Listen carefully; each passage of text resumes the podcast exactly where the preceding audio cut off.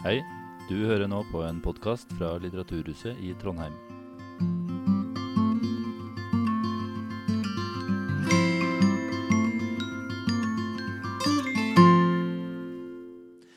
Velkommen skal de være. Jeg er veldig eh, spent på det her. Det er et litt åpent og vidt og krevende konsept, men jeg er sikker på at det er i det beste hender. Og da setter vi bare i gang, og lykke til. Ja, det er jeg som skal starte. Eh, Jeg er ikke helt venn med denne mikrofonen. Høres det greit ut? Jeg synes den Ja. Um, vi skal jo snakke om eh, Fernando Pessoa, eh, hvis navn ironisk nok betyr person. Men det skal jeg komme tilbake til. For jeg vet ikke helt hvor kjent Pessoa er for folk. Men eh, interessen har jo i hvert fall vært stigende. Um, og i Oslo fantes det for noen år siden en sånn pop-up-bokhandel som kun solgte Uroens bok, som da er kanskje Pessoa sitt hovedverk. Og Da kom det både Mette-Marit og Håkon Magnus som kunder, og med pressen på slep, da, naturligvis. Men Pessoa har også vært utgitt eh, helt siden 90-tallet, med ganske mange små og større verk på norsk. Blant annet en av mine favoritter ved sida av Uroens bok. Men en av de ytterst få som han skrev under sitt eget navn. Den, eh, den skal jeg også komme tilbake til. Ja. Men mange vet nok ikke helt hvem Pessoa er. Og det visste han vel knapt nok sjøl. Det vil si, han ville ikke vite. For det er ikke meg jeg forestiller, som han har skrevet et sted. Og Det er også tittelen på dikt i eh, utvalg, som er av Henning Kramer Dahl i sin tid. Da skal jeg prøve å gi et kort biografisk riss. Og Da må jeg understreke at det gjelder eh, Fernando Pessoa, og ikke om Bernando Suárez, Ricardo Reis eller Alberto Caero. Eller noen av de andre til sammen 19 heteronymene. Vil si svært utvida pseudonym med egen, følgelig da fiktiv biografi og litterær stil, sjanger og dikterisk temperament. En opphavsmann til alle disse eh, personene og bøkene er altså da Fernando Pessoa. Portugals viktigste forfatter eh, og en av Europas absolutt viktigste forfattere. Men han var lite kjent i sin samtid. Han var født i 1888 i Lisboa og døde samme sted av alkoholrelatert sykdom i 1935. Han mista faren sin som liten og ble med mora si og hennes nye ektemann til Sør-Afrika, der han var konsul. Og Dette ble viktig for Pessoa, for i Sør-Afrika gikk han på engelsk skole. Og Det gjorde at han beherska språket til fulle, så han ble tospråklig. Og I mange år så livnærte han seg som oversetter av handelsbrev fra portugisisk til engelsk etter at det lille forlaget han starta, raskt gikk konkurs. I ly av dette oversetter han bl.a. Shakespeare, men mest av alt så skrev han. Og sjøl om han nesten ikke publiserte noen ting mens han levde, skulle det vise seg at han har vært svært så produktiv. For da Pessoa døde, etterlot han seg en stor amerikakoffert med over 30 000 tekster i. Alle upublisert. Og Det var i alle sjangre, og mange var bare fragment. Gjerne nedskrevet på en serviett eller bakpå ei kvittering. Sikkert mens han satt, som han pleide hver eneste dag, på en av de, en av de billigste restaurantene i gamlebyen i Lisboa. Alltid alene og en, som en reservert og uanselig person, eller en ukjent pessoa.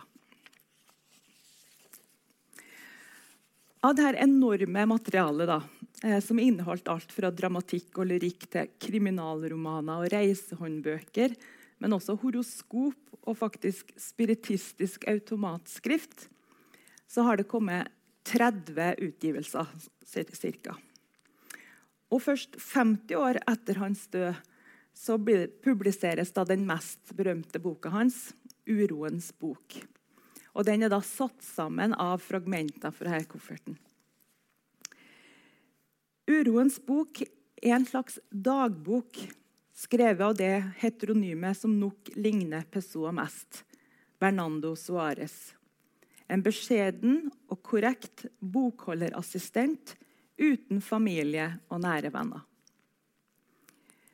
Men vi må huske at på tross av det fascinerende utgangspunktet for, så skriver Pessoa sjøl, sånn lett advarende, at du burde nærme deg disse bøkene som om du ikke hadde fått denne forklaringa, men hadde lest dem én for én etter å ha kjøpt dem i bokhandelen der du så dem utstilt. Og Nå skal jeg lese et lite utdrag fra Uroens bok, som virkelig er av mine favorittbøker. Og Det er helt fra starten. Det er en slags prolog, eller det som Pessoa kaller en peristyll.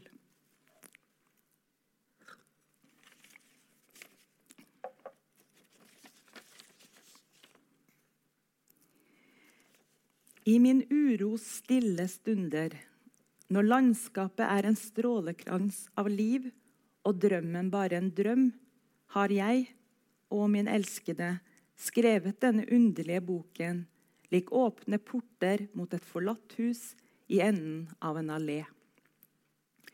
For å kunne skrive denne boken har jeg plukket alle blomstenes sjeler, og av all fuglesangs flykte øyeblikk har jeg vevet evighet og stillstand. Lik en veverske satt jeg ved mitt livs vindu og glemte hva jeg levde og hvem jeg var. Der har jeg vevet et klede av det fineste lin, og i det svøper jeg min lede inn, rede til å legge på min taushets alter. Jeg gir deg denne boken fordi den er vakker og verdiløs. Den har ingenting å lære bort, forfekter intet, vekker ingen følelser. Den verken befrukter eller skader, men er en bekk som renner mot en avgrunn av aske som spres av vinden. Jeg har lagt hele min sjel i denne boken, skjønt jeg tenkte ikke på den mens jeg skrev, bare på meg som er trist, og på deg som er ingen.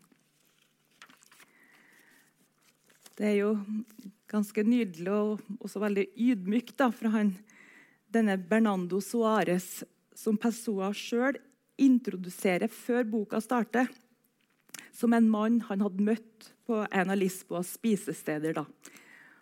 Og som forlegen forteller at han bruker å sitte der uh, uh, i sitt leide værelse om kveldene og skrive. Akkurat som Pessoa gjorde. Så hvorfor da bruke eller lage et heteronym? Eh, Dette blir virkelig å spekulere, og det er helt hjemmesnekra tanker om, nei, om hva det her behovet for et heteronym, eller mange heteronymer, skyldes. Altså masker og spill med jegets grenser. Og det her behovet for å bryte ut av personlighetsfengselet. Er det den alvorsomme leken eller et talent så stort at det ikke kan rommes i én person, i én forfatter, men som trenger en hel litteratur? At det å skrive ikke var nok. Han måtte lage en forfatter til hvert verk også. Eller er det en trang til å skjule seg? Eller få vise at man ikke er et seg, et jeg. Et sted skriver Pessoa Jeg har intet begrep om meg selv, ikke engang et som omfatter et ikke-begrep om meg selv. Så her ser man et jeg som er grenseløst, fordi det ikke vil anerkjenne noen personlige grenser, slik et jeg ville ha vært da. Men uten at denne tvangsmessige spaltinga av et mulig jeg har utspring i sykdom, men heller som den modernistiske forfatterens behov for å sprenge grensene, både for sjangre, personer og konvensjoner. En lek som ikke er Satt seg fast litt her. En leik som ikke er en leik, men litterært livsnødvendig. Kanskje handler det ikke om å sprenge grensene, men om grenser som er i oppløsning. Og det her spillet, da, for å si det med et dårlig ord, det starta visstnok tidlig. For det går en historie om Pessoa da han var eh, ca. 18 år. Da drev han og sendte brev til gamle klassekamerater og lærere fra tida i Sør-Afrika. Og det Brevet var skrevet i navnet til en psykiater som fortalte at den unge Pessoa hadde tatt selvmord. Eh, eller noen plasser så skrev han at han var innlagt på en psykiatrisk eh, institusjon. Og Han ba da mottakerne eh, om å gi en utfyllende skildring av Pessoas personlighet, og særlig hva folk syns om en, både intellektuelt og sosialt. Kanskje, kanskje ligger det hen en kime til det personmenasjeriet som senere kommer. Der han i stedet for å be om å få vite hva de andre syns om en, til at han styrer det hele sjøl ved å lage de her ulike dikterne. Og igjen, kanskje, for å få love flere liv enn det lille, forholdsvis begrensende livet han sjøl levde som kontorrotte i Lisboa. Enslig og uten litterær suksess. Ved å skape de andre livene beriker han òg sitt eget. Og Jeg kom til å tenke på den mediesaken som nylig har vært fram om den galleristen som er politianmeldt fordi han har solgt kunstverk av en oppdikta maler kalt Werner Jensen. Som ikke finnes, viser det seg. Det vil si, det er galleristen sjøl som har mala bildene og dikta opp en forholdsvis imponerende CV og en fortelling om at den kunstneren bor i Berlin. Typisk nok. Er dette et rent bedrageri og da dermed straffbart? Eller er det i Pessoas ånd? Er Werner Jensen et heteronym? Ja, Galleristen skal visstnok ha fire andre heteronymer som alle maler i forskjellige stiler, og er også da høyt prisa. Men om jeg skulle vært advokaten til denne galleristen, så tror jeg nok jeg ville trukket Pessoa-kortet. Men eh, tilbake til bøkene. Og Temaet i kveld er jo eh, grenser, og tittelen på arrangementet 'Uroens bøker'. For her handler det jo også om en kunstnerisk uro, en sånn skrivingas uro. Som Gertrude Stein sier om forfatterne i 'How Writing Is Written'. De vet ikke hvor de skal, men de er på vei. Men hvor er man på vei, og hvordan er veien? Senere i kveld skal jeg prøve å se litt om det når det kommer til min siste utgivelse, denne romanen 'Støvbærer'. Men nå skal vi høre hva Arild eh, Vange, min kjære kollega, eh, vil si om sitt forhold til Pessoa og særlig lyrikken hans. Det gleder jeg meg til. Ja eh, Mitt arbeid med Pessoa begynte Um, kanskje rundt to-ti eller 2011. Um, fordi at jeg, var, har, har en, en, en, lignende lidenskap som Ingrid har, sannsynligvis, for uh, hele Fernando Pessoas liv, og spesielt dette med heteronymene. For det, det, det, gikk veldig inn på meg at han uh, hadde disse personene inni seg som uh, agerte i portugisisk samtid. I tidsskrift eksempel, gikk de hardt ut mot hverandre. Uh, han hadde spesielt tre uh, lyriske eller dikteriske uh, heteronymer. Det, det, var Alberto Caeiro, som ble kalt for læremesteren. og Ricardo Reis og Alvaro de Campos. Og Spesielt Ricardo Reis og Campos hadde lite til overs for hverandres stil. Ricardo Reis skrev oder, og Campos skrev eh, et eh, skikkelig sprelskt, modernistisk eh, Eller sprelske, modernistiske dikt. Eh, en del av disse tingene jo, eh, inspirerte meg så eh, sterkt til å prøve å skrive egne dikter på bakgrunn av, av disse heteronymene. Så jeg gikk til anskaffelse av, som, av, av de tre heteronymene samlede verk, som ikke finnes på norsk. Eller de fantes ikke den gangen. Um, så jeg leste de på tysk, og på engelsk er de to språkene jeg kan utover norsk. Og, og prøvde å lage egne dikt av disse. og det, De kom da ut i 2013 på Aschehoug i denne boken her, 'Improvisasjon person'. Og det, Den boken ble tatt videre også inn på fordi vi fikk uh, vi, vi, startet vi vil si Neil Davidson fra Glasgow. Og jeg vi startet en sånn improvisasjonsgruppe som het Dvel. Eller den heter for så vidt fortsatt vel. Uh, og vi, uh, vi, gjorde denne boken, så å si. da. Vi improviserte denne, denne boken på Avantgarden teater også i 2014. Og den gruppen den besto eh, i tillegg til Neil og meg av eh, Kjøre Låstad og Kristin Lian Berg og Frode Eggen. Eh, ikke nok med det. da To år senere prøvde vi eller ikke bare prøvde, men vi gjorde faktisk et, eh, en versjon av Fernando Pessoas eneste eh, ferdigskrevne dramatiske verk, nemlig 'The Mariner'. Eller uh, i, i, min uh, omdiktning eh, Marina. Det var også et eh, det var også en forestilling som gikk på avantgarden. I tillegg eh, er Fernande Pessoa også til stede i denne siste boken min, denne 'Livet i luftene'. Uh, han nevnes til og med, og er i alle fall en, en inspirasjon og Den holdt jeg på med i, i, hvert fall åtte år. den boken. Altså Ikke hele tiden, men, men, jeg begynte så smått å tenke på den boken i, i 2010. Eh, den kom ut i 2018. Og På et tidspunkt så var jeg så oppslukt av uh, Alvaro de Campos.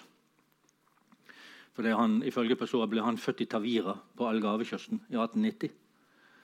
At, at, jeg måtte dra dit selv, til Tavira, og se om jeg kunne treffe han der. kanskje, eller for han kan jo fortsatt leve. Hvem vet? Pessoa er død, men disse heteronymene, bortsett fra mesteren selv, Caeiro, døde i 1915 ifølge Pessoa. De to andre er det ingen dødsdato på. Eh, så jeg innbilte meg faktisk at jeg traff til dels Alvaro Campos der. Kanskje ikke, ikke, bare deler av han, men det førte i hvert fall til at jeg begynte at jeg tenkte at å, Alvaro de Campos kan jo være min jeg-forteller. Fordi at uh, han kan jo leve fortsatt, så han kan, han jo, kan jo ha en masse innsikt i en, en masse ting. Uh, så jeg skrev da en tekst med han som jeg forteller, men det, det ble liksom aldri, jeg fikk det aldri skikkelig til. Det var det. Men uh, nå har jeg allerede nevnt disse, disse, tre, disse, tre, heteronymene, som jo er de absolutt mest kjente heteronymene. Uh, bortsett fra kanskje Bernardo Suárez, men jeg tror han var et litt sånt litt sånn halvt, halvt heteronym. Han, det var han, Pessoa laget ikke noe, noe, horoskop til han og hadde ikke noe fødselsdato etc. Um, altså disse, disse, tre, uh, disse, tre heteronymene skrev jo da veldig for, forskjellige tekster som Pessoa selv ikke kunne ha skrevet. ifølge han selv. Og han, han skriver i et brev til en venn om hvordan det begynte med disse heteronymene, som jeg, skal lese kort opp her. Det er gjengitt i denne boken her, som jeg anbefaler for alle som er interessert i Fernando Pessoa, nemlig Alberto Caeros poesi. Det er faktisk Alberto Caeras samlede dikt, oversatt av Øystein Widnes. Uh, og Det er også en, ma en, masse fine tekster inni her i tillegg. Altså De forskjellige heteronymene skriver om hverandre. og sånn, Det er veldig interessant lesning. Altså Her står i et berømt brev forteller Pessoa om opphavet til heteronymer. Ideen om å dikte opp en bukolisk poet, altså en gjeterdikter, startet som tanken om en spøk overfor vennen Mario de Sacaneiro. Egentlig vil, vil han bare spille kameraten sin et puss, men han får det ikke til. Han jobber med ideen i flere dager uten resultat, men så sitat. En dag da jeg til slutt hadde gitt opp, det var 8. mars 1914, gikk jeg bort til en høg kommode, tok et papir og satte i gang å skrive, stående slik jeg skriver så ofte jeg kan. Og jeg skrev noen og 30 dikt uten stopp i en form for ekstase som jeg ikke er i stand til å definere. Dette var mitt livs triumfdag, og jeg kommer aldri til å ha en slik dag igjen. Jeg starta med tittelen 'Sauegjeteren', og det som fulgte, var tilsynekomsten av noen i meg som jeg med en gang ga navnet Alberto Caeiro. Unnskyld den absurde uttrykksmåten. Det var læremeisteren min som kom til syne i meg. Slik følte jeg det der og da. Når Alberto Caeiro hadde kommet til syne, satte jeg straks i gang med å oppdage, instinktivt og underbevisst, noen disipler. Utleid av den falske paganismen, altså hedendommen hans, kom den latente Ricardo Reis. En, jeg oppdaga navnet hans, justerte han til å bli seg sjøl, for jeg så han allerede. Og brått, i en derivasjon i motsatt retning av Ricardo Reis, styrta et nytt individ hodestups fram i en strøm på skrivemaskin uten avbrudd eller korrigeringer ble triumfodet av Alvaro de Campos til. Både oden og mannen. Nå har vi altså hørt litt om hvordan dette begynte. Da, da var han 26 eh, år, eh, Fernando Pessoa, eh, Fernando Pessoa, da dette skjedde. Og Kanskje det kunne vært uh, interessant å høre hvordan denne sauegjeteren Det er 49 tekster, det er et, langt, et langdikt, veldig langt dikt. Men hvordan det første, det første diktet av disse høres ut i Øystein Widnes gjendiktning. Jeg har aldri gjett sauer, men det er som om jeg gjetter deg. Sjela mi er som en gjeter. Hun kjenner veden og sola og går hand i hand med årstidene. Følger deg og ser. Hele den folketomme naturen sin fred kjem og setter seg ned ved sida av meg. Men jeg blir trist, slik en solnedgang er for fantasien. Når det blir kjølig nede på sletta, og du kjenner at natta kommer inn som en sommerfugl gjennom vinduet. Men vemodet mitt er ei ro fordi det er naturlig og rett og det er det som skal finnes i sjela så lenge hun tenker på at hun eksisterer. Og hendene plukker blomster uten at hun merker det. Som klangen av sauebjøller fra en stad bak svingen på veien er tankene mine tilfredse. Jeg er bare lei for at jeg veit at de er tilfredse. For om jeg ikke visste det, ville de, i stedet for å være tilfredse og triste, være glade og tilfredse. Å tenke er ubehagelig som å gå ute i regnet. Når det blåser opp og det ser ut til at det skal regne mer. Jeg har ikke noen mål eller ønske. Å være poet er ikke et mål for meg. Det er min måte å være aleine på. Og om jeg av og til vil fantasere om å være lite lam, eller være hele flokken for å kunne gå utover hele marka og være mange lykkelige ting på samme tid, er det bare fordi jeg føler det jeg skriver i solnedgangen, eller idet ei sky dreg handa over lyset og stilla suser gjennom gresset der ute? Når jeg setter meg ned for å skrive vers, eller medan jeg går langs veiene eller stiene, skriver vers på et papir jeg har i tankene, kjenner jeg en gjeterstav i hendene og ser min egen silhuett på toppen av en knaus der jeg står og passer på saueflokken og ser på ideene, eller passer på ideene og ser på saueflokken. Og smiler svakt, som en som ikke forstår det som blir sagt, og prøver å late som om han forstår. Jeg hilser alle som leser meg, og løfter den breibremma hatten min for dem når de ser meg i døra. Så snart vogna kommer til syne over åsen. Jeg hilser dem og ønsker dem sol og regn når det er regn som trengs og at de i husene sine, rett ved et åpent vindu, har en yndlingsstol der de setter seg ned og leser versene mine. Og at de, medan de leser versene mine, skal tenke at jeg er noe som hører til i naturen. f.eks. det gamle treet. De setter seg i skuggen av da de var barn. Rett ned med et dunk, utmatta av å leike og tørka sveiten av ei glovarm panne med erme av ei stripete trøye. Den meksikanske poeten Octavio Paz var også veldig fascinert av Pessoa. Og han kalte Cairo for den uskyldige poeten. Han mente at Ricardo Reis tror på form. Han skrev oder. Og Alvaro de Campos på følelser. Mens Cairo trodde ikke på noe. Han bare eksisterte, verken mer eller mindre. Akkurat som tingene. De er. Da skal jeg lese et par korte dikt her fra denne eh, boken, her, som altså er en respons på disse tre etronymene. Da skal jeg lese to her fra, fra Alberto Caero. Del. Så, dere, så kan dere høre litt hva som eventuelt kan være forskjell på Alberto Caero selv og i min versjon.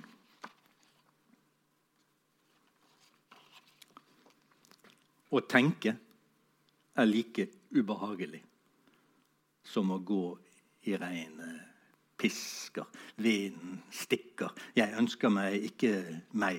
Du stryker hånda over lyset, rusler gjennom gresset, ler lett, later som om du forstår hva jeg sier. Ja, jeg er ei gammel lerk. Lynet slår ned, regnet brenner, gata svartner. Du sier hva vet vel ei platanlønn, ei bekkeblom, ei vårkål om meg? Tenker de torden smeller, natta slipper seg løs, tankene ruller inn gjennom døra. Er Gud furu, rødkløver, fjell? Månen skinner til messe for øynene, ørene. Vær stille bekk. Duene er oppslagsverk. Og ett til. Jeg er klar. Som om jeg aldri har tenkt ei tanke. Har røtter, direkte forbindelse til jorda, men tankene grumser meg til. Min største glede er å ikke forstå verden finnes. Men jeg jeg tror på kroppen min. Føler uten å føle at jeg føler. Ser uten å vite at jeg ser. Den harske jorda er så virkelig at ryggen kjenner det jeg trenger. Ikke evne til å tenke jeg har skuldre.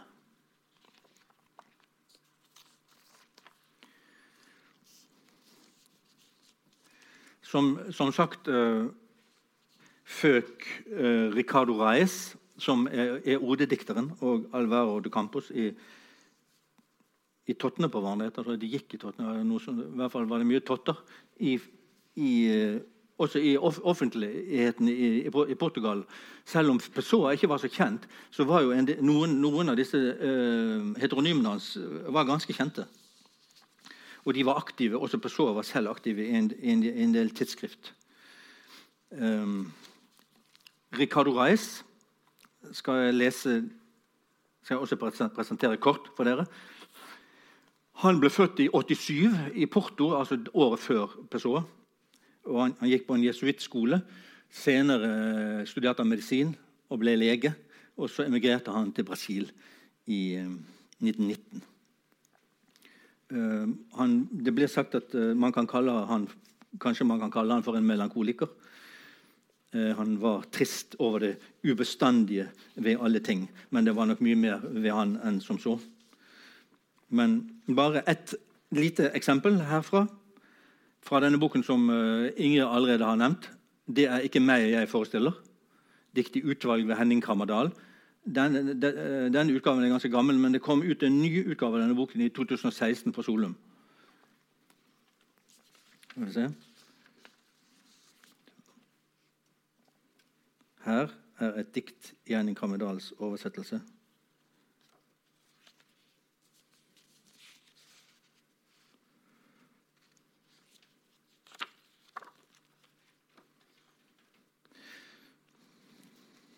Som låter slik. Det lever utallige i oss. Det lever utallige i oss. Jeg tenker eller føler, vet ikke hvem som tenker eller føler. Jeg er bare stedet hvor det tenkes eller føles. Jeg har flere sjeler enn én. Det finnes flere meg enn meg selv. Allikevel eksisterer jeg. Likegyldig overfor alt. Jeg gjør dem tause. Jeg snakker. Et nettverk av impulser, det jeg føler eller ikke føler, strides i det jeg jeg er. De er ukjente for meg, har intet å si. Det jeg jeg vet om, jeg skriver. Ehm, da kommer vi til, til slutt til uh, Alvaro de Campos. Han er, var jo ganske rabiat på veldig mange måter, så det er kanskje han som er, er den mest eh, den, som, den som fikk mest oppmerksomhet den gangen. Eh, han Noe vi ikke har nevnt nå, er jo at uh, Pessoa var forlovet med Ophelia. Kaeros. Og den ble opphevet, den forlovelsen. Mye pga. Alvaro de Campos. For Alvaro de Campos kunne ikke utstå denne damen. Og En gang så sendte Pessoa han eh, til et stevnemøte med Ophelia, og det gikk dårlig. Han skrev også et brev til Ophelia der han mer eller mindre skjelte ut eh, Fernando Pessoa. Eh, så han var en veldig stridbar mann, han de, de Campos. Han, han, kranglet jo med Ricardo Reis, som sagt. Og i, det hele tatt. Da skal jeg lese uh, uh, et par dikt eh, som jeg, som jeg har, har, skrevet på bakgrunn av Alvaro Campos dikt. Og så til slutt skal jeg lese kort fra slutten av denne triumfoden som, som Pessoa fikk hva skal vi si, eh, fikk som en inspirasjon etter han hadde begynt å skrive Kairo i 8. mars 1914. Det var litt av en dag. Da var han altså, Hvor gammel var han da? Da var han 26 år. Fernando Pessoa. Skal vi se. Her kommer Alvaro de Campos. Hei, vei!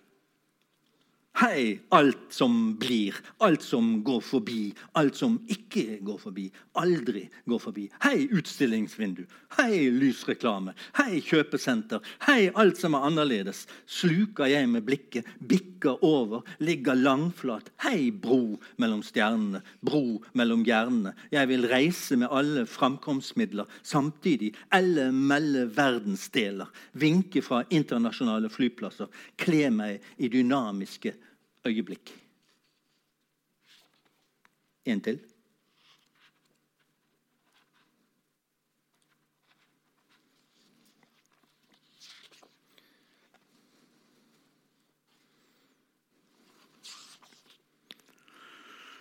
Timene har feber i hjertet mitt.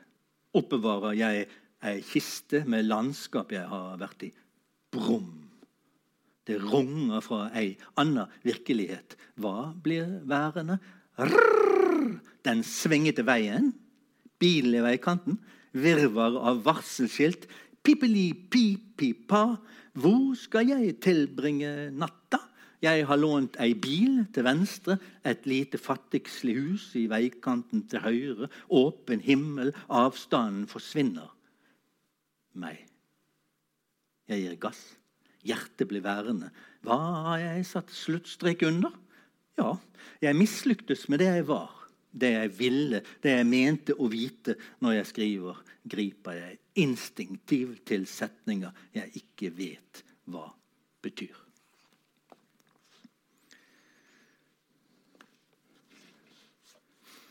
Så kommer Alvaro de Campo selv til orde her i Øystein Vidnes gjendiktning i en bok som heter 'To dikt om modernitet'. Kommet ut på Flamme. Det er vel en sånn singel. Singel nummer 32. Det her er to dikt. Det er 'Triumfode' og 'Maritim-ode'.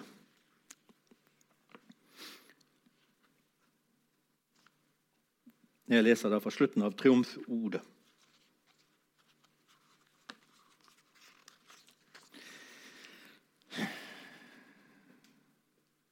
Her står altså Alvaro de Campos London 1914.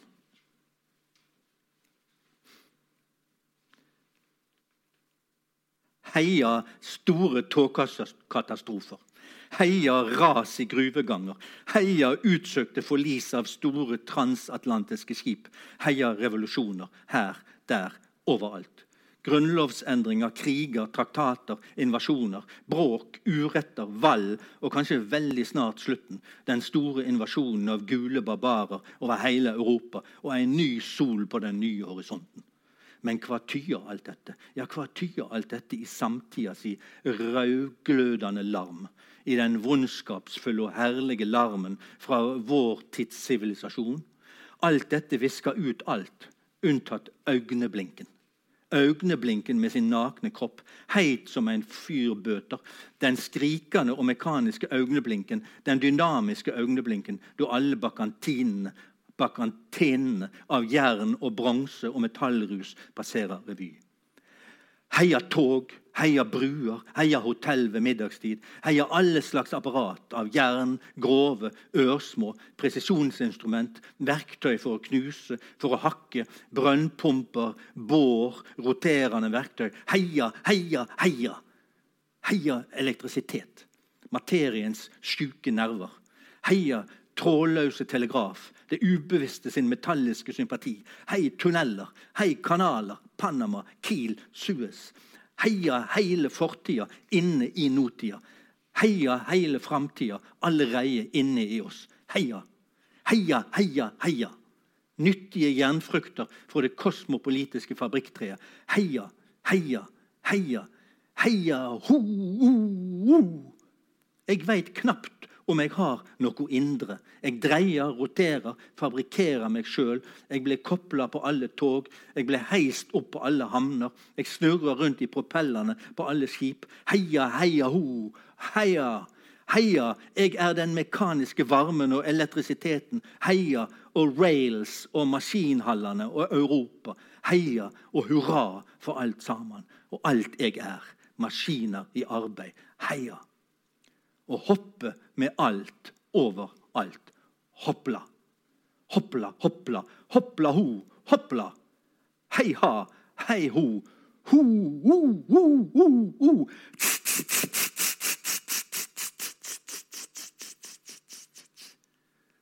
Ah, at jeg ikke er alle og overalt. Ja. Nå blir det ikke så lett å komme over på det grenseløse, eller kanskje blir det det?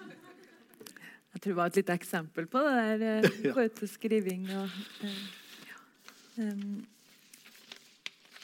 Nei, eh, det er jo litt det med, med grenser. Og jeg tenker også i forhold til, til min bok, da, den som vi skal snakke litt om nå, den 'Støvbærer', så er jo ord som uro og grenser interessant. Eh, Mm. men jeg, det, det blir jo så abstrakt ofte med grenser, så um, jeg tror jeg kanskje tenker litt på det òg med um, Altså veldig sånn konkret. Um, denne boka handler jo om Ingeborg som dreg til India som misjonær og jordmor for santalfolket, som er den største urbefolkninga i India. Og hun Ingeborg hun da krysser da grenser, ikke minst landegrenser. For tidlig på 80-tallet er det langt fra ei lita bygd midt i Norge eh, til Santalistan, til India, til Assam, der teen gror. Og så krysser eh, ho- ho- hovedpersonen min da, grensene for hva som er normen for en misjonær. Og skulle liksom være en sånn godhetens apostel eller eh, vise den kristne nestekjærligheten i praksis. Eh, Det er her hun kommer til kort. For hun, Ingeborg er ikke en enkel og from person, men heller stridig og sjalu, sint og smålig. Og etter hvert da også ganske ensom. Eller veldig ensom. Jeg tror man kan si at boka handler litt om eh, hva for lite kjærlighet gjør med et liv, eller med et menneske. Man ikke har tilstrekkelig kjærlighet i livet. Og om i hvor stor grad man kan liksom gjøre gode ting hvis man ikke sjøl er en god person. Altså Hvordan farger det gjerningene. da. Um, og ikke minst da, eh, blir det mer himmel på jord av å drive misjon, som er liksom deres slagord. Um, for det er jo også en del som spør hvor går grensene mellom misjon og kolonialisme. Uh, det er jo mange som har spurt seg opp igjennom. Uh, men mot slutten av livet og i slutten av boka da, så blir også Ingeborg til en viss grad radikalisert, eller trua hennes. Og da går hun også over ei, ei litt utilgivelig grense.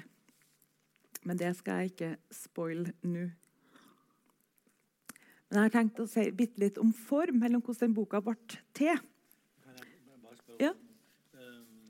Det, er ikke det en veldig, en veldig uvanlig kvinneskjebne som du beskriver der? Altså at hun, det, det, det, virker som om hennes liv er noe grenseløst i seg selv. Altså I forhold til det man kunne tenke på som et relativt vanlig norsk kvinneliv. Og, og ikke bare at hun reiser så langt bort til India, men at hun også gjør noe som er veldig annerledes. Noe som jo også er på en eller annen måte grenseløst. Mm. Eller? Ja, nei, det, det, ordet er litt merkelig. Det er grenseløst. Ja. Som om det betyr det alt uh, og, og, ingenting. Det, det, er kanskje ikke noe godt ord. det er grenseløst. Nei. Som du sa, vi må over på noe konkret. Ja, abstrakt, ja, nei, men uh, hun, hun, sprenger i hvert fall uh, mulighetene ja. sine hun, hun, slipper å love livet til mora hennes om igjen. Ja. Altså Det som å bo på en gård og ta over, gifte seg og altså, det følger den der etterkontrakten da, som var på i, og, og, det skriver jo du veldig fint frem hvor trangt det er der hun kommer fra. Innen familien, altså disse litt sånn, Forsøkene på å vise hverandre at man er litt glad i hverandre, som, mm. som, ikke, som ikke lykkes så veldig og litt sånn helvdekt rasisme ja. ja, som kommer til syne. Eller, eh, med, ja. Og så er det jo Men, men eh, og, og, og, dit hun kommer, er hun jo like fremmed. Ja, absolutt. Mm. Mm. Og det er kanskje det med at jeg at kanskje begrensninga er hun sjøl. Altså at hennes personlighet liksom ikke er noe Hun er ikke akkurat noe sånn Nei. noen bra misjonær. Hun, hun er ikke noen person? Har hun hatt noen heteronymer? da? Hun er salmedikter da, i skjul. Hun er salmedikter? Ja. Og Det er egentlig noen, noen salmer som jeg skrev, men som jeg ikke var helt fornøyd med. Men da kunne jeg jo liksom sette til at det var hun Ingeborg som har skrevet dem. Så, um, ja. Men det, det, var en jeg, jeg, følte ofte at jeg var ganske sånn um, fæl. da, Tok bort alle tingene som kan være godt i livet til å høre Ingeborg. Så jeg tenkte du skulle få liksom, ha en liten ting. da, da. Men, men, ville det være Beklager hvis jeg får men, men, ville det være lettere uh, Uh, hvis hun kjente at hun hadde flere i seg på et vis.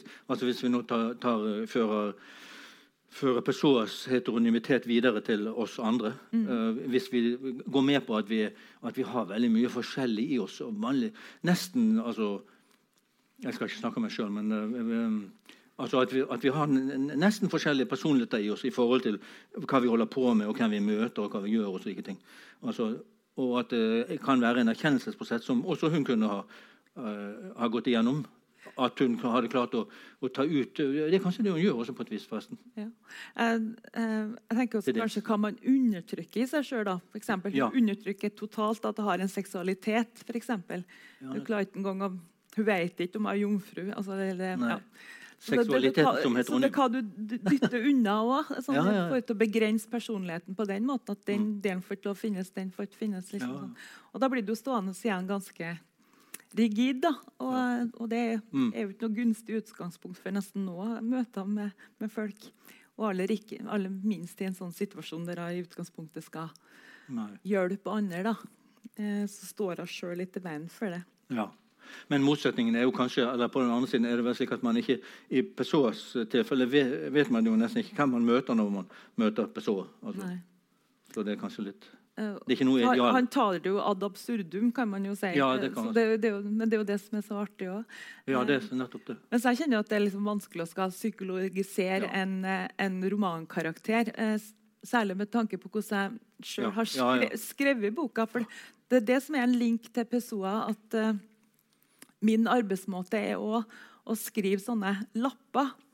Um, altså, og det, altså, met den metoden er, må jeg fort meg advare mot, for det er ikke noen eh, bra ar arbeidsmetode i hele tatt. Den er uhensiktsmessig arbeidskrevende.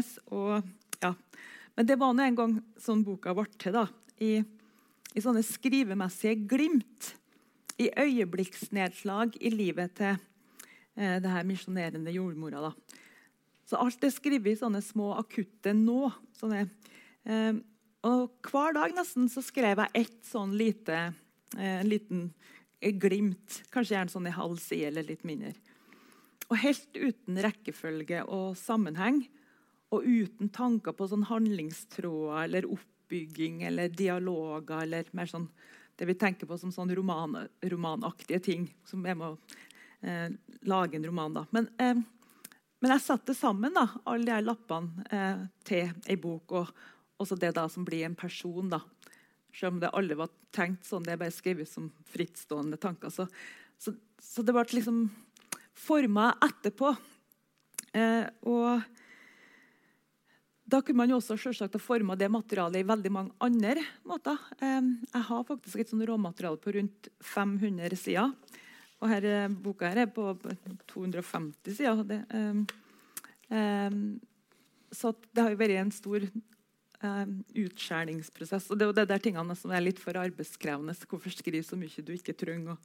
Eh, men, eh, men den tankene om å ha en Amerikakoffert med, med lapper, den eh, kjenner jeg meg litt igjen i. Og det er nok derfor òg at eh, Eller kan, eh, det er nok, jeg tenker at eh, kanskje har jeg lært det litt av Pessoa, ellers er det derfor jeg liker Pessoa. Mm. At eh, Uroens bok nettopp er skrevet i biter og brekkasjer og fragmenter. At det er det jeg på en måte kjenner igjen. da. Ja, for sånn har du også uh, operert øh, formalt i dine tidligere romaner. All, Ja, alltid. ja. Mm. Jeg skriver bare sånn eh, Mm. eh, Riktignok ikke satt på, skrevet bakpå menyer og servietter og konvolutter, sånn som Pessoa gjorde. Han Mm. satt på kafé. Jeg bruker PC. Men, eh, men det er samme, samme metoden. Mm. Og kanskje skyldes det at jeg egentlig liksom starta som lyriker og fremdeles er det. At det, det er liksom der glimtene, ikke de lange, lange prosastrekkene. da, eller jeg er ikke noe interessert i plott eller Nei. sånne ting eh, i utgangspunktet. Men så når man da redigerer, så kan jo plutselig oppstå litt sånne ting likevel. Eller man følger et spor og, og skjønner at kanskje blir det en roman likevel. da. Mm. Og ikke bare kjøttdeig, som konsulenten Inger Elisabeth Hansen Kanskje en tidlig utgave av manuset mitt. Ja. Det var, eh, det var et tilbakemelding som ikke var udelt negativt ment heller, men jeg, jeg skjønte at jeg kanskje burde ta noen grep. Mm. Eh, og også da, så da begynte jeg liksom å stykke opp tekstene eh, altså, ja, etter tiårsbolker, og de blir skjært i, i boka så blir de jo skjært med sånne fysiske altså grå ark. liksom eh, og alle utstyrt med et sånn Mor Teresa-sitat. sånn, Så du begynner å lage etterpå da, en struktur eller et, en mal. da. Og sånn blir det en roman. Eh, og det, altså, det betyr at egentlig nesten alt skjer i redigeringsfasen. Så jeg tenker på det som en minst like kreativ prosess som selve tekstproduksjonen. da. Når jeg, når jeg lager de lappene. Eh, men, eh, men for å liksom for å forskjønne min egen eh, metode for meg sjøl, så at jeg skal liksom holde ut, så prøver jeg å tenke på det som sånn, at man er en skulptør med en sånn stor stor steinblokk framfor seg. Så skal du prøve å finne skulpturen inni den. Så inni her tekstmassen skal jeg finne verket. Og da må man jo bruke både slegge og eh, meisel og til slutt sandpaper. da. Så det har liksom vært min måte å stryke ned og flytte og pusle på plass da, for en altfor stor masse. Så det er den advarselen kom inn, for det her tar tid. Fire år, faktisk. Eh, og nå skal jeg lese litt fra starten av boka. Og, eller jeg skal lese fra litt tror jeg tar fire forskjellige lapper. eller tre, fire. For, um, og Den som vil høre mer om denne boka, så kommer jeg tilbake på Litteraturhuset den 10. juni. Inshallah. Og da mener jeg ikke om Gud vil, men om koronaen vil. Men nå skal jeg lese fra eh, starten. Og da er vi i India i 1980. Er det lenge siden du har kjent noe liv? spør Ingeborg. Den kvinna som heter Portimod, svarer ikke. Ingeborg åpner jordmorveska og leter fram det trompetforma stetoskopet i tre. Heimen er enkel, bare ett rom med oppholdsplass og kokeplass ute. Gulvet er hardtrampa kumøkk og leire. Santalfolket har ofte et blått kors måla på husveggen. Men det er ikke sikkert at det er kristne av den grunn, har hun fått fortalt. Inne i mørket ligger Portimol. Hun har mista ett barn før, sier hun. Nå er hun i sjuende eller åttende måned. Blodfattig og svak. Ingeborg flytter stetoskopet flere ganger, men finner ikke fosterlyd. Kvinna sier ingenting. Ei sorg i magen. En tung, stille stein. Ingeborg lurer på om kvinna vil få trøst hos noen i kveld. Hun kjenner seg forvandla til en dødsengel der hun står i det hvite forskleet sitt. Den første fødselen hennes her skal ikke ende i barneskrik. Portimor blir liggende igjen, men hun skal komme på klinikken og føde det døde barnet. Ingeborg skal sette i gang fødselen med ballongkateter, og så prøve å få melka til å holde opp og renne. Det eneste som vokser nå, er døden. Så er det ti år tidligere i Norge. Gulli revnar, roper Ingeborg. De store oksene lengst inne i fjøset flytta på seg i halvmørket. Urolige skriket hennes av at det var folk her nå på natta. Trekk! Far var rød i ansiktet. Han og Arne hadde lenge prøvd å få ut kalven som lå feil vei. Nå fikk de endelig festa kjettinga rundt føttene til kalven, men han satt like fast. De spente tak igjen. Det gurgla i halsen på kua. Hun kava med klauvene og vrengde øyne. Ingeborg satte seg på kne, pressa med hele tyngda si på den bulende kumagen og den svarte kalven glei ut sammen med blod og fostervann. Arne renska slim ut av munnen på kalven, henta halm og strøk hardt for å få i gang blodsirkulasjonen. Der berga du både kalven og kua, du, Ingeborg, sa far. Ingeborg klarte nesten ikke å reise seg fra det skitne fjøsgulvet, sjøl om hun måtte fylle bøtta med lunka vann så Gulli skulle få drikke. Medan far og Arne bar kalven bort til bingen, hengte hun opp glødelampa som skulle varme han. Da Gulli så de ta kalven, let hun om seg, litt gråt. Vil aldri bli mor, tenkte Ingeborg. Jeg skal bli jordmor.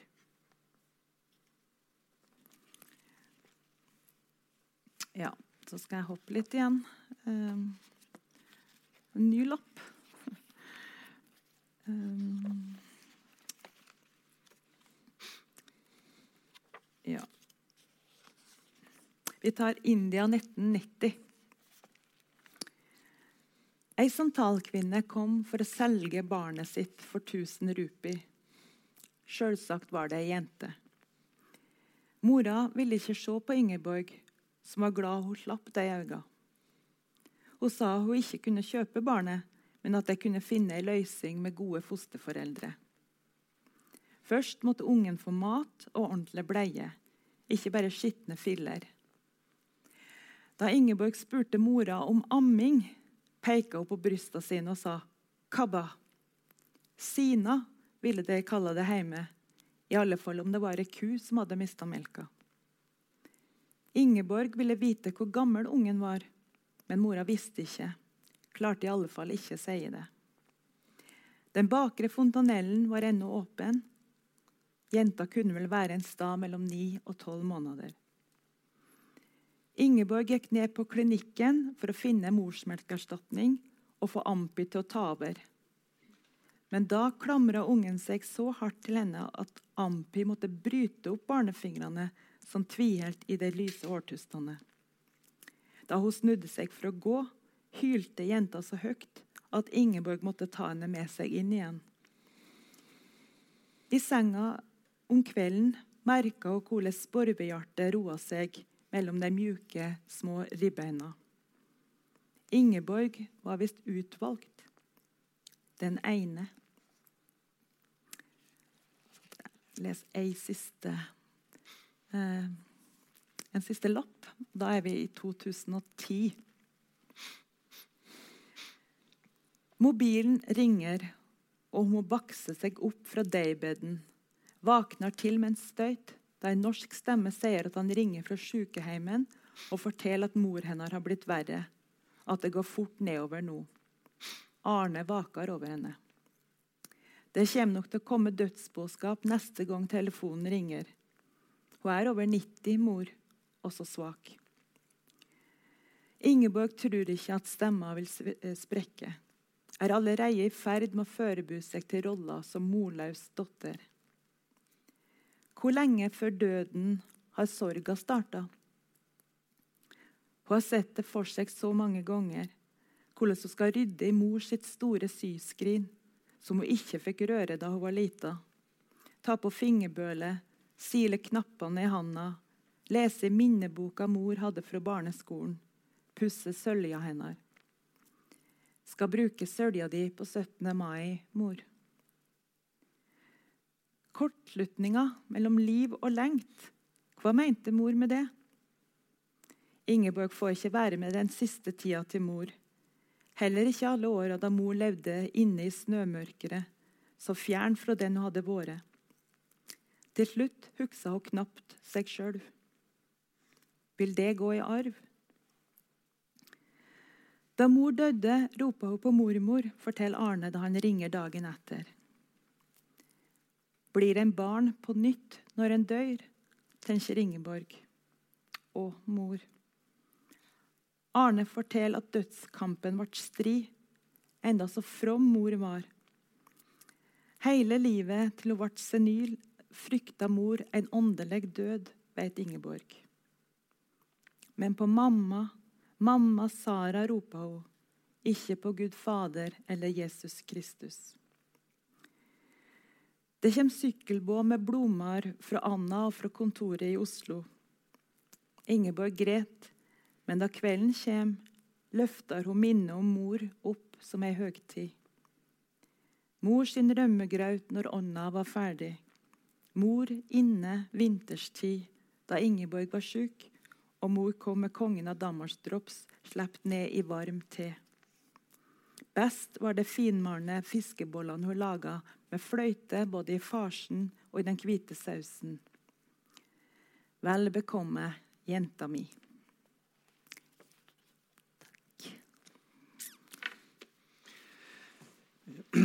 Ja, da eh, da, da, hadde jeg tenkt å, å, bare snakke kort om denne her livet i luftene som jeg har nevnt før. I forhold til grenser er jo den eh, altså, eh, forresten, først, altså, Utgangspunktet var jo et slags sånt at jeg ville prøve å skape et sånt uh, pessoisk mangfolds-jeg. Det var kanskje derfor det tok så lang tid. da, det, altså Åtte år før denne boken ble ferdig.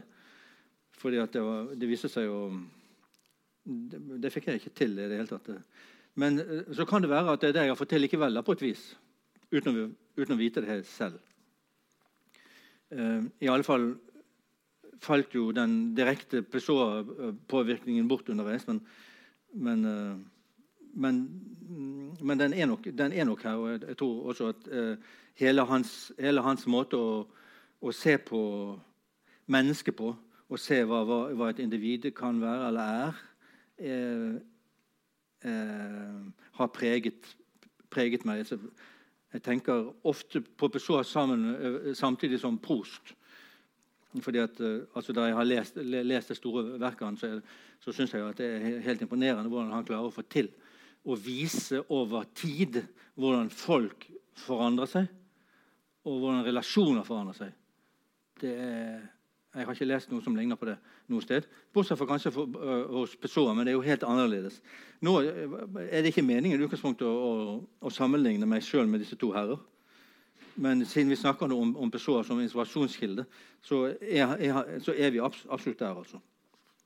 Um, etter hvert uh, ble jo dette ganske annerledes. og siden, Grunnen til at jeg snakker om denne boken, i det hele tatt, uh, her, det er jo pga. disse grensene.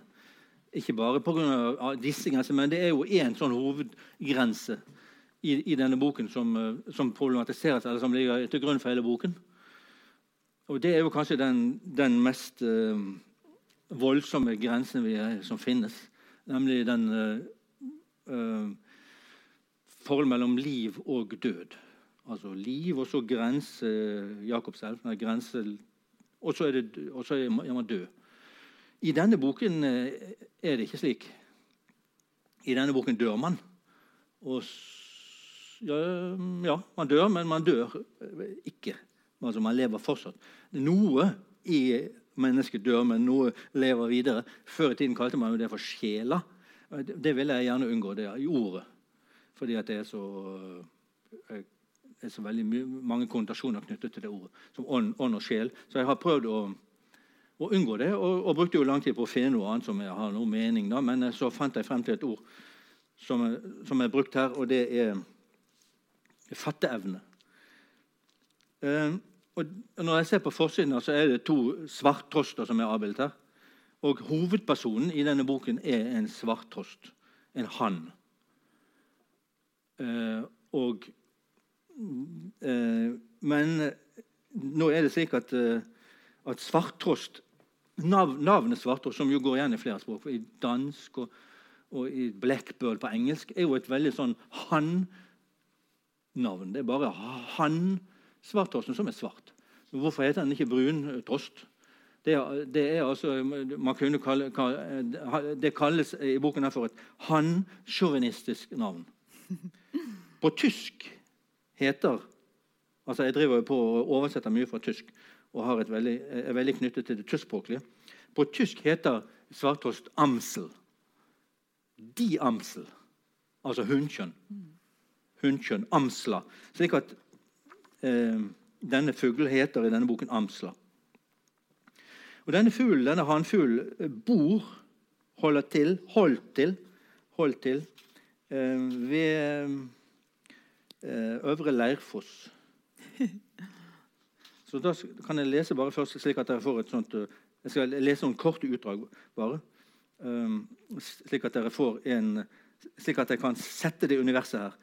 Ellers så er det ikke slett å forstå noe av det. Uh, altså Jeg liker å fly Dette er altså denne han, eh, Svartåsen, som snakker. Jeg liker å fly langt særlig seint om høsten. Jeg hadde tilbrakt den siste våren og sommeren ved Nidelva, like nedenfor Øvre Leirfoss. En dag i begynnelsen av november fløy jeg sørover for å tilbringe vinteren så langt sør i Europa som mulig. Da jeg kom til Bamberg i Oberfranken, nord i Bayern, trengte jeg en pust i bakken og landet ved elva Regnitz, en sideelv til Main. Vel ankommet ved en stor villa rett ved vannet, trippet og spratt jeg nesten umiddelbart på hun som seinere skulle bli maka mi. Det første hun sang, var 'Villa Concordia'. Så hoppet hun nærmere og sang 'Waldabschnitt in Wassernee'. Hun ble stående og stirre på meg. Så sang hun 'Vi kaller denne plassen for Hjertestedet'.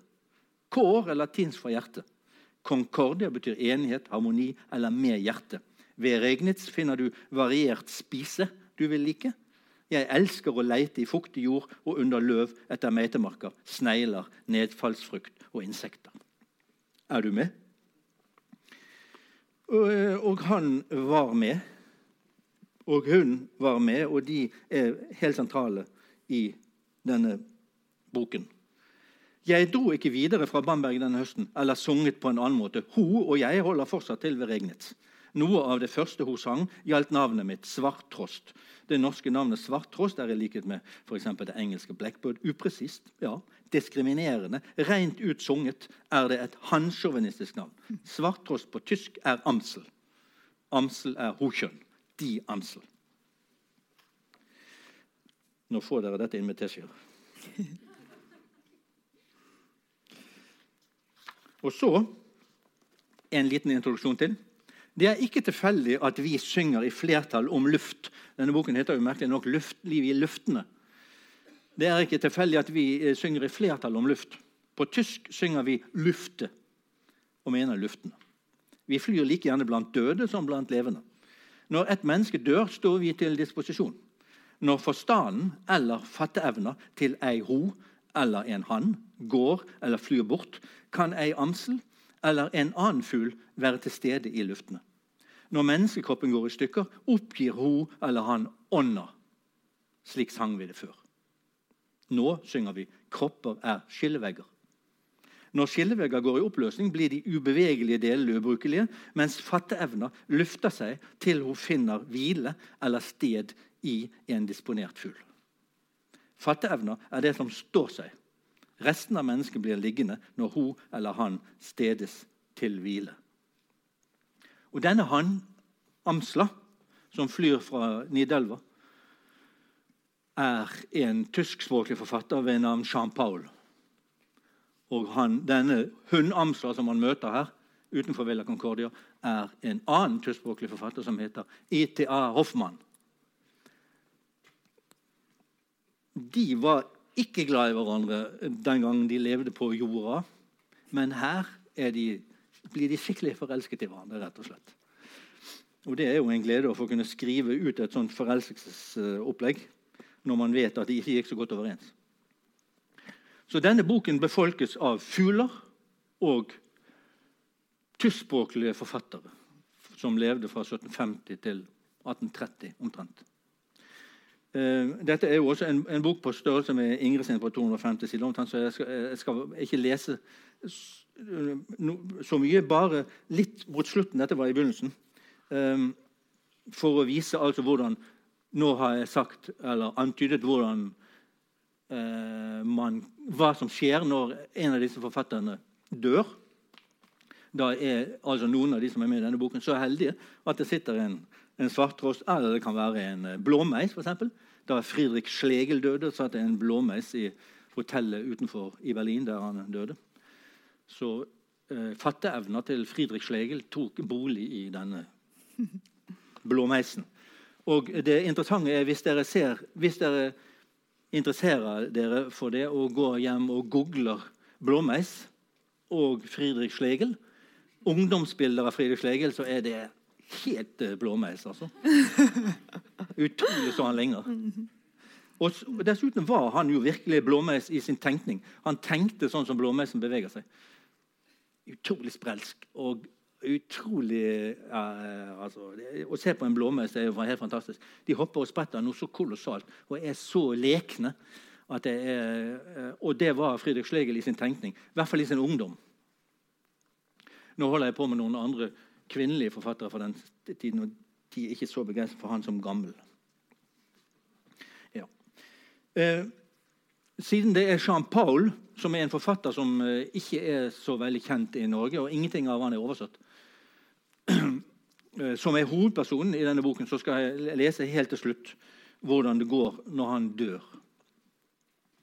Eh, de andre som er med, de som er viktige her i denne boken, er Henrik von Kleist. Han er jo mer kjent i Norge. Han er også oversatt ganske mye. Han er oversatt. Um, han var så heldig at det var en Lin-Erle som tok imot han da han døde. Og så er det en som heter Anton Moritz, han er kanskje heller ikke så veldig kjent, men uh, han er også oversatt. Og skal vi se om jeg har glemt noe nå. Det vil jo være, det vil ikke være bra. Mm, nei, ja, Robert Mosel er også med, men han har en liten birolle. Han er måltrost. Robert Walser er også med, forresten, men også veldig, veldig bi.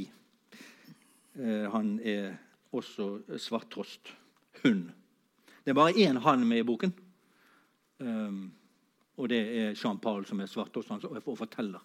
Men så er det også en annen bare for å ha sagt det, siden, siden det, det, nå høres ut som jeg er hovedsakelig opptatt av mann, menn og mannlige forfattere. Det stemmer ikke. Eh, i, i bunnen av denne boken, altså den såkalte underteksten, løper her eh, en annen historie. Altså Her er overteksten, og her nede løper det en annen historie gjennom hele boken. Og det er Klara Schumanns historie. Hun var jo, eh, ble jo etter hvert gift med altså Klara Wiik heter hun, ikke Schumann. Men hun måtte jo ta dette Schumann-navnet, som var vanlig på den tiden. og Som ikke er så vanlig lenger, at kvinnen ikke hadde noe valg, men måtte hete det som mannen heter. Så hun ble jo hetende Schumann og ble veldig kjent under, under, det navnet. Og Det interessante er jo også at Schumann, eh, Robert Schumann var veldig opptatt av Jean-Paul. Han skrev bl.a. Eh, 'Kreisleriana', et av hans mest kjente pianoverk. Og Det bygger på Johannes Kreisler, som var, som er, var kapellmester. Men et form for, ikke, et form for, form for heteronym. E.T.A. Hoffmanns heteronym. Han skrev under ofte med kapellmester Kreisler. Så E.T.A. Hoffmann, som også er her, men det, det, har, det har, vi ikke tid til nå, han har uh, også ganske mange pessoanske trekk. Da leser jeg bare helt til slutt slutten på denne Jean Pauls liv. Det går da slik.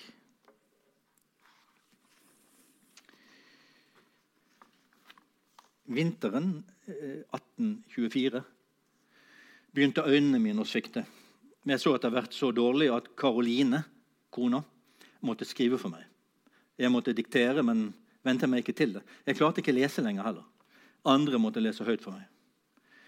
Men det var ikke bare det som gjorde at jeg ikke var i skriveslag. I tillegg til grå stær hadde jeg gikt og diabetes, og ikke minst som pessoa. Det står ikke her. Skrumplever.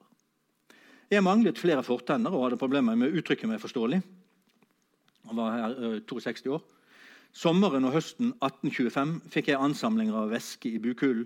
Legen kalte det asites. Jeg ble tynn som en stilk og hadde en svulst i underlivet. Jeg måtte leies gjennom huset. En dag i november tok jeg feil av middag og midnatt. Jeg ville til sengs. Jeg husker jeg spurte klart og tydelig flere ganger. Er det deg? Karoline kom med blomster. Jeg så dem for mitt indre øye. Lukte og se dem kunne jeg ikke. Etter hvert formulerte jeg meg så utydelig at ingen forsto meg. Det siste jeg fikk fram, jeg vet ikke om noen hørte det, var 'Vi la det stå til'. Da medisinalråd von Stranski kom inn i rommet og kastet et flyktig blikk på meg i senga, hørte jeg 'Det er døden'. Jeg pustet fortsatt. Ellers var det stille. Jeg lå og tenkte for meg sjøl at det ikke var riktig, det von Stranski hadde sagt. Det var ikke døden som kom. Det var gjennom. Jeg så gjennom for mitt indre øye som et slags kolon. Jeg tenkte og tenkte det tyske ordet for kolon. Dobbeltpunkt. Jeg tenkte det er ikke døden som kommer, det er dobbeltpunkt. Klokka åtte om kvelden hadde barna gått ut. Ved senga sto legen, kona mi, en venn og en nivø. Jeg hørte at jeg pustet langsommere. Så trakk jeg pusten. Djupt fatteevna eller livskrafta mi tok sats og smatt eller fløy ut mellom de to punktene eller prikkene i dobbeltpunkt og ble tatt imot av ei amsel i Bayreuth-luftene utenfor huset. Hvis noen er, er, er, har lyst til å lese disse bøkene, så, så skal de være å få, kjøpt her borte etterpå. disse to. Altså. Tusen takk for meg. Eller er vi, vi er ikke ferdige ennå? Jo. jo. Vi er det, ja. Ja. Vet, nå er alle grensene brutt. Så, så nå må bare publikum ta over. Hvis det er noen som lurer på noe. Eller, ja. Spørsmål, ja.